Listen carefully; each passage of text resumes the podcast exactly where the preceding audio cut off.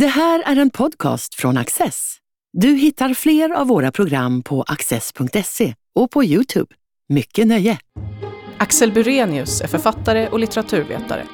I sin avhandling fördjupar han sig i Svetlana Aleksijevitjs författarskap. Hon har lyfts fram som förnyare av den dokumentära litteraturen. Men hur sann är bilden av Nobelpristagaren? Axel Burenius, välkommen hit. Tack så mycket. Samtal om vad litteratur är, eller kanske snarare vad, vad som är rätt sorts litteratur, har ju pågått väldigt länge. Eh, varför är detta angeläget just nu och varför just i fråga om Aleksijevitjs författarskap? Alltså jag tror att det som är så intressant med Svetlana Aleksijevitjs skrivande det är att hon, hennes böcker består ju av, eh, de är intervjubaserade hybridromaner kan man ju säga. Så det sätt som hon arbetar på är att hon gör eh, hundratals intervjuer med riktiga personer som har varit med om en eller annan eh, historiskt betydelsefull eh, händelse som till exempel Tjernobylkatastrofen eller andra världskriget eller det sovjetiska afghanska kriget. Och sen eh, samlar hon, de, eh, hon alla de här intervjuerna och sen skriver hon om dem till monologer. Och sen ut, eh, böckerna utgörs då av en samling av monologer helt enkelt. Så när man läser hennes böcker så är man inte helt säker på huruvida man läser litteratur eller inte. Så å ena sidan så har man en känsla av att läsa icke-litteratur. Av att läsa text som är mycket, mycket sannare och mycket mer direkt än fiktion eller skönlitteratur. Samtidigt så använder hon sig av litteraturens alla gre äh, grepp och knep i sitt skrivande. Så hon är, hon är en otroligt skicklig, eh, hantverksskicklig romanförfattare. Så eh, i hennes skrivande så finns det liksom de här sanningsanspråken som vi normalt förknippar med non-fiction eller faktabaserad litteratur. Samtidigt som hon eh, eftersträvar att skildra vad hon kallar för den eviga människans upplevelse. Så hennes litteratur har samtidigt alla de här anspråken vad gäller allmängiltighet som har funnits i litteraturen sedan ja, sen jättelänge. Liksom. Eh, och jag tror att det var därför som hennes, eh, hennes böcker gjorde ett så otroligt starkt intryck på mig när jag första gången läste dem, vilket var för fem år sedan. Jag, jag kände liksom att, att jag läste någonting mycket mer relevant, någonting mycket mer existentiellt relevant och någonting mycket mer sannare än när jag läser vanlig skönlitteratur. Och jag tror att du nämner ju liksom den här, någon, liksom, någon typ av pågående diskussion kring vad litteratur är och ska vara och så vidare. Vi har ju den här, vi har haft den här diskussionen i Sverige om eh, den så kallade Schulman-debatten. Då, det då det visade sig att Schulman hade eh, ja, men, i någon utsträckning fabulerat i sin eh, roman Bränn alla mina brev som liksom Alexejevs litteratur har ett anspråk att, eh, att skildra en historiskt verifierbar sanning. Eh, och jag tror att när man börjar liksom gräva i sådana här författarskap och när man börjar diskutera frågor kring sanningsanspråk och hybridlitteratur så kommer man ofta väldigt nära väldigt estetiskt intressanta eh, frågeställningar och eh, väldigt allmängiltiga litterära sanningar. Det som jag har kommit fram till när jag har forskat om Alexievich det är ju att hennes eh, de här sanningseffekterna som finns i hennes litteratur, de är ju helt och hållet, eh, de är ju en typ av fiktion, de är en typ av magi.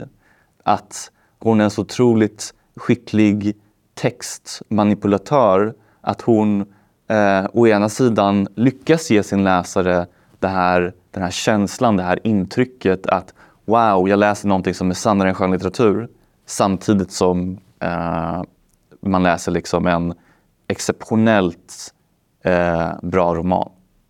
Det, det, är mycket trådar nu som vi kommer att behöva ja. komma tillbaka ja, jag vet. Ja, jag kände det i eh, mitt svar. Jag tänker för tittarna och lyssnarnas skull att mm. vi ska ändå backa bandet lite grann för att uh, verkligen förstå Aleksejevitj på djupet. Så mm. måste man ju titta på hennes historia, hennes samtid och lite begrepp som vi behöver reda ut. Eh, jag skulle vilja börja med Homo sovjeticus. Ja. Koncept eller begrepp. Mm. Eh, vill du förklara vad det är för något? Mm. Så det är liksom den sovjetiska människan. Det är egentligen en stereotyp. Jag tror att den började med, eh, begreppet myntades av en sovjetisk eh, författare som heter Alexander Sinjovjev, tror jag. som skrev en bok som hette Homo Sovjeticus, jag tror att det var 1981. Och det är liksom den här vanliga stereotypa bilden av Sovjetmänniskan som vi alla känner till, nämligen att eh, Eh, den sovjetiska människan är en person som inte förmår tänka själv, som alltid lyder order eh, och som är liksom helt eh, antingen liksom politiskt apatisk eller så mottaglig för propaganda att det självständiga tänkandet helt, helt sätts ur spel. Och också en person som är väldigt fatalistisk på så sätt att han eller hon alltid eh, accepterar den givna situationen utan att göra motstånd. Så det här är egentligen en, eh, ja, det är en stereotyp egentligen. Eh, i sina böcker hon, hon nämner eh, ordet savok som ett ryskt ord som är, det är ett nedsättande ord för Sovjetmänniskan. Hon säger att det här ordet är inte någonting som hon, som hon vill använda. Och alltså just vad gäller hennes skildringar så tror jag att alltså, å ena sidan så tar hon avstånd från den här typen av liksom, lite förnedrande, generaliserande begreppsvokabulär. Å andra sidan så ser man ju att ofta att hennes, hennes de här intervjupersonerna eller karaktärerna, om man nu kan kalla, för, kalla dem för karaktärer, att de ofta passar in i den här liksom stereotypa föreställningen. För det här är ju ett sammanhang som hon växte upp och levde i. Ja. Ska jag berätta lite om vem hon är kanske? Ja, men gärna. Ja. Nej, men hon, eh, så hon föddes 1948, alltså tre år efter andra världskrigets slut i en stad som idag heter Ivano-Frankovsk eh, och som då hette Stanislav. Och det är en eh, stad som ligger i eh, sydvästra Ukraina. Men på den tiden så var det naturligtvis del av eh, Sovjetunionen. Eh, och hennes mamma kommer från eh, Ukraina och pappan kom från Vitryssland. Men det är ändå ryska som Alexievich eh, främst talar och hon skriver sina böcker på ryska. Och det här har ju naturligtvis att göra med, eller den historiska bakgrunden till det, det är ju russifieringen av de sovjetiska republikerna helt enkelt. Eh, som föddes då i Ukraina och sen flyttade familjen till, eh, de flyttade till Vitryssland, till den eh, belarusiska landsbygden. Så hon växte upp där på den belarusiska landsbygden. Eh, och sen eh, började hon studera eh, journalistik på universitetet i Minsk på eh, början på 70-talet måste det ha varit. Och sen arbetade hon för eh, två eh, sovjetiska eh, tidskrifter. Eh, Selska Gazeta, som betyder typ den agrara eller jordbrukstidningen. Och för Niman, som är, det är en flod, döpt efter en flod i Vitryssland som heter Niman. Eh, och som är mer liksom en litterär tidskrift kan man säga. Så hon hade då en, eh, en karriär som journalist i, i Sovjetunionen Eh, innan hon på allvar och uteslutande började ägna sig åt sitt eh, författarskap. Och det är väldigt intressant när hon debuterade. Så hon debuterade eh, 1984-85 kan man säga. Så eh, 84 så hon, det var två böcker som hon kom ut med då. Eh, Последний свидетели, De sista vittnena och Ovanjune Sjenska så, eh, Kriget har inget kvinnligt ansikte. Och i, i den ena så har hon intervjuat barn som eh, var med under, andra, under den, Sovjet, den, den tyska ockupationen av eh, Sovjetunionen under andra världskriget. Och i den andra så har hon intervjuat sovjetiska kvinnor som var med och stred på den sovjetiska sidan. Och eh, Kriget har ingen kvinnligt ansikte, den kom ut i tidskriftform eh, 1984. Och det här var väldigt vanligt i Sovjetunionen, att man först publicerade ganska långa, omfattande utdrag ur en bok innan den kom ut i bokform. Så den här, de här fragmenten, då, eller utdragen, eh, de, kom ut, de publicerades i eh, två sovjetiska tidskrifter. Dels Niman och sen Aktjaber som är en stor, stor litterär tidskrift i Sovjetunionen. Och sen kom boken ut eh, året efter, 1985. Och vad som hände 1985, det vet vi alla, då kom Gorbatjov till makten. Eh, och eh, han började då inleda de här perestrojka och glasnost-reformerna som eh, sen ledde till att Sovjetunionen föll samman 1991. Så hon debuterade verkligen precis innan allt, allt det här började. Och sen med tiden så har hon blivit eh, mer och mer regimkritisk. Eh, och eh, i, liksom, i, modern tid så är hon en, eh, en väldigt eh, modig, får man säga, och eh, bestämd eh, kritiker av dels eh, Alexander Lukasjenkos styre i Vitryssland och Vladimir Putins styre i, eh, i Ryssland. Så det är lite av en kort biografi. Liksom. Och det som är så intressant med hennes biografi, det är att den, liksom, den återspeglar verkligen den sovjetiska historien. Liksom. Att, hon, att hon har en vitrysk pappa och en ukrainsk mamma, men hon talar ukrainska. Hon föddes precis efter, efter kriget. Hon har liksom den här eh, karriären som journalist under Sovjettiden och hennes debut den inträffade då precis innan alla de här reformerna började göra sig gällande. Och sen, eh, sen har hon också blivit en postsovjetisk eh, dissident nu. Um, så det, ja, det är en liten bakgrund. Liksom. I ditt skrivande så är du inne på att det är ganska svårt att genrebestämma henne. Det ja. Bibliotek vet inte var de ska placera henne. Mm. Det, kommer det från henne själv, att hon flackar? Eller är det omvärlden som har svårt att genrebestämma henne? Mm, det blir ju svårt om man skriver hybridlitteratur helt enkelt. Alltså jag tänker att så här, min, äh, min bok Persona är också lite hybridlitteratur. Jag kommer att min, en, av min, en av, de här, en av äh, mina förläggare på Fri Tanke då, vi skulle anmäla den till Augustpriset. Och då var det någon som frågade, men ska vi använda den som skönlitteratur eller som, eller som facklitteratur? Men då bestämde vi det som facklitteratur. Men så det blir ju liksom per automatik alltid svårt när, eh, när man skriver hybrid, hybridlitteratur. Och jag tänker att om man tittar på liksom de, de här liksom formbestämda etablerade genrerna som fanns i det antika Grekland till exempel, liksom en tragedi, en komedi eh, eller liksom en sodett liksom på Shakespeares tid. Då finns det liksom vissa, vissa eh, egenskaper som en text måste ha för att vara en sonett, eller för att vara en tragedi eller för att vara en komedi. Med romanen så finns det inga sådana eh, bestämda egenskaper. Om man tittar på till exempel, jag vet inte, någonting av Cervantes och om man tittar på någonting av Milan Kundera så har de nästan ingenting gemensamt på ett sätt, men de är båda romaner.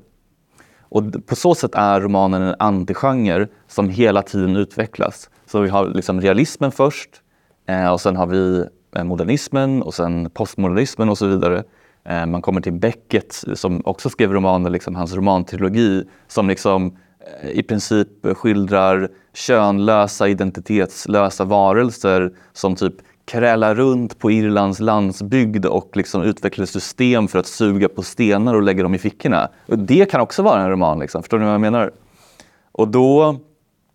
Eh, jag, så jag tror att romanen måste hela tiden utvecklas. Man kan inte skriva eh, en roman samma, eh, flera gånger. Och då tror jag att idag, eller jag uppfattar det åtminstone så, att eh, romanens utveckling efter den postmodernistiska eran, det är hybridromanen. Det är en roman som hämtar från olika icke-litterära genrer som journalistiken till exempel som eh, Alexievich kommer ifrån, eller från essän, eller från filosofin, Milan Kundera till exempel. Men det här svårbestämda hos henne, det har väl också gett henne mycket kritik? Och det är du inne på också i din avhandling om vad som är sant och vad som är ja, falskt. Ja, precis. Exakt. Så det, det, man vänder sig mot då, det är ju liksom att det finns ett sanningsanspråk i hennes böcker. Att, att det finns ett implicit och explicit anspråk i hennes böcker. Hon sa till exempel under sin Nobelföreläsning att Dolzhin говорит свидетель, att vittnet måste tala. Eh, och i hennes böcker så finns det anspråk på att det är inte jag som talar, utan det är det historiska ögonvittnet som talar. Och då när man upptäcker, att, eller när man då börjar fundera på att hennes böcker har kommit till eh, utifrån extremt eh, liksom, eh, bestämda och kreativa selektionskriterier eh, så vänder man sig emot det här sanningsanspråket naturligtvis. Och en sak som är väldigt intressant eh, i det sammanhanget det är att Alexievich skriver om sina böcker, så hon reviderar dem så att eh, upplagor kan skilja sig åt väldigt mycket från varandra. Och då tänker man, jaha, men vilken, vilken version är det som motsvarar intervjun då? då? Och vilken som än skulle motsvara den så måste den andra inte helt motsvara den. Eh, så det där sanningsanspråket, att, att ha ett anspråk Eh, på att eh, verka som ett slags eh, medium för historiska ögonvittnen, det är ju väldigt problematiskt. Och eh, jag tror att det, det, har, det, vet jag inte, men jag har hört det liksom anekdotiskt, att det är flera liksom vittnen som Alexievich har intervjuat och som inte känner att de har liksom representerat sig i hennes skrivande. För jag ser i din bok här så återger ju du hur... Eh, Alltså, I ett stycke här så visar du att så här såg intervjun ut. Mm. Och så här, här har hon strukit, om, struk, strukit kommentarer, här har hon skrivit om själv, hon har mm. ändrat arrestera mig till kom och hämta mig. Det är mm. lite sådana där saker. Jag har ju tolkat det här som litterära grepp för att förstärka en sanning. Mm. Mm. Eh, hur konsekvent kan man se det på det sättet? Var går egentligen gränsen för att det fortfarande är sant? För du jämför med Alex Schulman där man konkret har kunnat visa att han har både hittat på och mm. ändrat i källor, mm. inte kollat källor som han påstår att han har kollat. Eh, är det en rimlig jämförelse? Ja, alltså var går gränsen för hur, alltså för, för hur, hur sant det är? Det är, det är en otroligt svår fråga. Eh, alltså bara liksom i, eh, i vanliga journalistiska intervjuer så tar man ju ofta bort och ändrar lite för att liksom svaret ska vara mer koherent och mer flytande. Och, eh, funka i text. Funka i text, exakt. Hon är ju inte blyg för att ta med här riktigt vidriga och äckliga saker samtidigt. Hon stryker, alltså intrycket mm. jag får av dig är att hon, hon stryker för att förtydliga, ibland använder begrepp som är lite mer vedertagna, speciellt som det här som, som att hon har bytt arrestera till kom och hämtade mig. Mm. Det är ju ett, så här, genom, det är ett genomgående sätt att berätta ja, om det, den typen av arresteringar, ja. att man säger hämtade. Mm. Ja, det, är, ja, det är intressant tycker jag, alltså just det exemplet. Alltså varför ändrar man det? Jag tror att man ändrar det av estetiska skäl. Och det är, ofta, det är det intrycket jag får ofta när jag tittar på, när jag jämför olika versioner, att hon ändrar av estetiska skäl. Att de kom, de kom för att hämta mig, det, det är ju liksom på något sätt mer ödesmättat än det mer neutralt konstaterande de arresterade mig. Um, så jag känner ofta att liksom, texten blir konstnärligt mer effektiv uh, i, hennes, i och med hennes ändringar. Uh, och sen var gränsen går för, alltså det här är en jättekomplicerad liksom, fråga naturligtvis. Vad är historisk sanning? Är det att återge bokstavligen vad någon säger?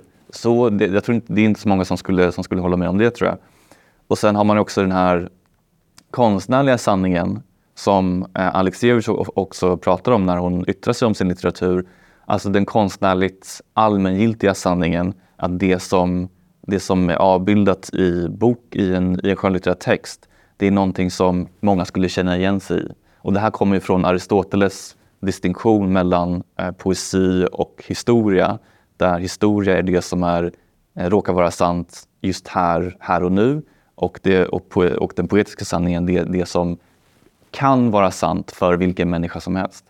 Så ja, alltså det är otroligt, eh, jag tycker att det är otroligt intressanta eh, frågor som, som inte har liksom, enkla svar. Och jag tror liksom att eh, min, när, jag skrev, när jag skrev den där boken så jag ville nog mer att eh, man ska läsa den och börja ställa sig alla de här frågorna än att jag vill ge ett entydigt svar på dem, tror jag. Sen fick hon Nobelpriset 2015 i litteratur. Blir, hur ser forskningen på det? Blir det svårare att ifrågasätta henne? Eller blir det... Ja, inte för mig. Eh, jag vet inte om det finns någon som känner så. Jag, jag, jag kände inte det. Och liksom, jag hade två väldigt, väldigt bra handledare när jag skrev min avhandling som uppmuntrade mig att vara kritisk helt enkelt. Eh, och jag tycker att man ska vara det. Eh, och det är då liksom um, intellektuella diskussioner och analyser blir intressanta om man vågar, uh, om man vågar ifrågasätta. Och sen tycker jag också det är en väldigt bra, det är en väldigt fin, eller det, för mig är det en produktiv, uh, produktiv um, dimension av essän just. Jag vet inte om ni har läst Josef Brodsky någonting? För han, det är en rysk poet då som han levde i exil i uh, USA under lång tid och då, började han, då skrev han två väldigt, väldigt bra eh, essäsamlingar på engelska. Och de är ofta, så här, det är väldigt, ofta väldigt radikala tankar. Ofta tankar som man inte håller med om och som man misstänker att Brodsk inte, inte håller med om själv. Men för honom så är essän liksom ett utrymme där man kan framkasta en tanke. Och ungefär, det är som att, att man, man ger någonting till läsaren och tänk om det är så här. Det, jag tror att liksom, essän som genre, den ger, utrymmet, ger en utrymme för tänk om det är så här snarare än ja, det är så här och nu ska jag bevisa det. Det är så här och nu ska jag bevisa det. Det är liksom en akademisk text för mig. En essä är, tänk om det är så här. Kan vi tänka oss att det är så här? Om det är så här, vad har det för implikationer då? Så jag tror liksom att essän är, det är en väldigt fri genre. Den är väldigt fri i tanken. Med allt detta i åtanke, eh, hur gick du egentligen tillväga när, när du skulle börja forska om Alexievich? Ja, en grej som jag gjorde det var att jag grävde fram alla hennes, alla hennes, alla de här upplagorna av hennes böcker. Och det, åh, det är otroligt tråkigt, tröttsamt, ansträngande jobb att jämföra olika upplagor av en och samma bok. Alltså, man vill typ ta livet av sig när man gör det för att det är så fruktansvärt ansträngande och tråkigt. Så jag har suttit liksom väldigt länge på liksom så här, äh, liksom, kollat formuleringar här och formuleringar där och så vidare. Och sen en andra grej jag gjorde det var att jag tittade på alla hennes eh, alla, alla artiklar som hon har skrivit för Svenska Gazeta och Niman. Och där hade jag faktiskt väldigt tur därför att de fanns på, eh, en av dem fanns på eh, mikrofilm på um, Library of Washington Library eller någonting. Så jag kunde beställa det till mitt universitet. Och eh, de andra fanns på British Library. Så jag behövde inte åka till eh, Belarus och till i arkiv där med allt vad det hade inneburit av liksom, tillstånd och visum och så vidare. Men du läser enbart på originalspråk då? Ja, ja exakt. Precis. Um, så dels var det väldigt mycket liksom textuellt grävarbete och sen eh, blir det också liksom mycket att man måste liksom, eh, konceptualisera. Det är också en grej som man måste göra i akademiskt skrivande. Man måste konceptualisera allt som man framför med liksom, passande teori. Så jag använder mig mycket av eh, Pierre Bourdieus eh, texter för att göra det. Hur kommer det sig att det blev Storbritannien för doktorandstudierna? det var en ren slump faktiskt. För jag, när jag var typ 20 så ville jag gå utomlands och då tog jag min kandidat i så jag började med att plugga ryska på språkskolor i Ryssland. Och sen när jag, när jag bestämde mig för att läsa en kandidat då ville jag göra det utomlands också. Och då blev det Storbritannien. Jag hade en sån idé om att jag skulle bli konferenstolk då. Och då, för jag pluggade ryska och serbiska då på universitetet och tänkte jag, ja men då får jag engelska också. Så att jag, man måste ha tre språk nämligen för att bli konferenstolk. Och sen när jag började med min kandidatexamen då insåg jag att nej, men jag vill inte bli det utan det var litteratur som jag, som jag var intresserad av. Men jag gick ändå klart den utbildningen för jag kände att den var väldigt intellektuellt stimulerande. Liksom. Eh, och då blev det bara naturligt att jag fortsatte min akademiska karriär i Storbritannien när jag väl hade påbörjat den där. Det är också, det är också lättare att doktorera i Storbritannien tror jag, än i Sverige. Jag, för jag, har, jag har vänner här i, i Sverige som kämpar med att få en doktorandplats och det är otroligt svårt och väldigt, väldigt hög konkurrens.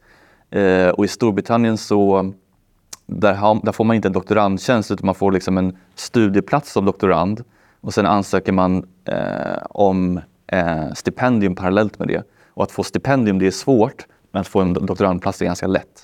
Så ja, det var lättare och sen Sen tyckte jag också, alltså jag tycker om att bo, jag har en sån tanke om att bo utomlands. Eh, jag, tycker, alltså, jag, tror inte att, jag, jag, tror inte det är så viktigt att resa, liksom att resa till liksom ett land i några veckor eller över en helg. Jag tror liksom, om man reser till ett land som man inte vet någonting om och där man inte pratar språket och är där i en, en vecka eller två, då får man i princip sina fördomar bekräftade och sen åker man hem.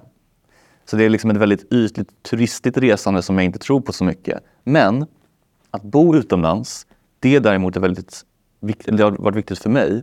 Därför att jag tror att, och det viktiga är inte vilket land man bor i, det viktiga är att man inte bor i sitt eget land. Därför att man får liksom eh, man får en distans till det liksom, intellektuella och konstnärliga klimatet som råder i ens eget land. Och när man då kommer tillbaka till, till sitt land, vilket det nu är, så är det väldigt lätt att särskilja mellan det individuella och det nationella. Vad en person säger för att personen i fråga, för att den tanken är förankrad i ens egen livserfarenhet och vad någon säger bara för att personen i fråga är svensk eller rysk eller brittisk. Och det är så svenskar tänker. Eh, så det var nog jag så jag ville bo utomlands av den anledningen. Och ja, då passade det jättebra att jag kunde doktorera i England.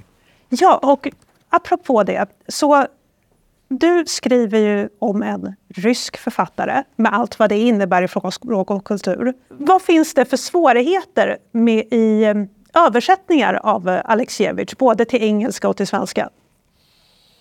Alltså det som går förlorat, det är ju liksom alla konnotationer som ett visst ord har. Och jag tror att det är en, det är en generell översättningsproblematik som gäller de flesta författare. Ett exempel som man ofta brukar ta, det är ordet direvnia på eh, ryska och det betyder by.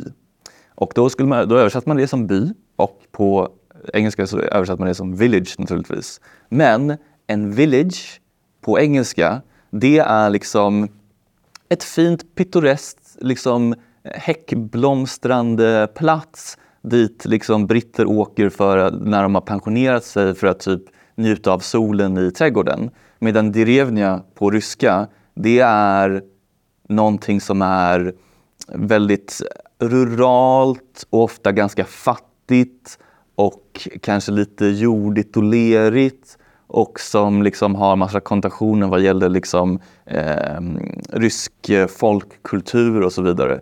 Så det är ju väldigt många associationer som går förlorade hela tiden. Och Alexievich, är, liksom, hon är ju väldigt, hennes, det hon skriver det är väldigt förankrat i ett historiskt och ett, i ett kulturellt sammanhang.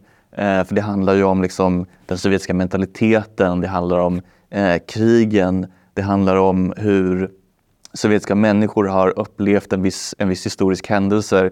Det är mycket eh, liksom, skämt, eh, sovjetiska skämt som de drar. Det är liksom eh, fragment ur sånger, ur politiska slogans och så. Eh, så jag tror liksom det här är någonting som, som, som man dras med som översättare, vem man än, vem man än översätter. Men Alexievich eh, litteratur är kanske ännu mer kulturellt specifik än viss, viss annan litteratur, tror jag. Skulle du säga att det är svårare att forska på um, ryskspråkiga författare sen Rysslands fullskaliga invasion? Ja, svårare skulle jag nog inte säga att det är. Men alltså det gör ju... Alltså, um, alltså Alexievich författarskap och hennes publika image, hennes persona, förändras ju hela tiden eh, i samklang med politiska förändringar.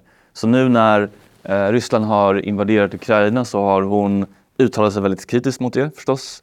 Och eh, hon har efter de, eh, de belarusiska presidentvalen eh, 2020 så flyttade hon till Tyskland också. Eh, och det kan man också se liksom i när perestrojkan hände att då förändras ju hennes, hennes politiska ståndpunkter i det hon uttrycker i skrift och hon blir den här, liksom, sovjetiska, ehm, den här sovjetiska offentliga personen. Så hon är ju, någon, hon är ju liksom, både hennes person och hennes författarskap är ju någonting som påverkas väldigt mycket av politiska förändringar. Men det tycker jag bara gör det mer intressant. Och det är klart att ja, det, det, kan vara svårt därför att man måste, man måste hitta ett sätt att förstå och konceptualisera de här, de här förändringarna utan att eh, uttrycka sig förenklat eller onyanserat. Liksom, tror jag. Jag vet inte om vi är närmare eller längre ifrån sanningen om Svetlana Alexievich i slutet på det här samtalet. Men mm. Tiden har runnit ifrån oss och ja. vi måste avsluta. Så Axel Burenius, stort tack för att du kom hit. Tack så mycket för att jag fick vara med. Du har just lyssnat på en podcast från Access. Du vet väl att vi också är en tv-kanal och tidning? Teckna en prenumeration idag på access.se.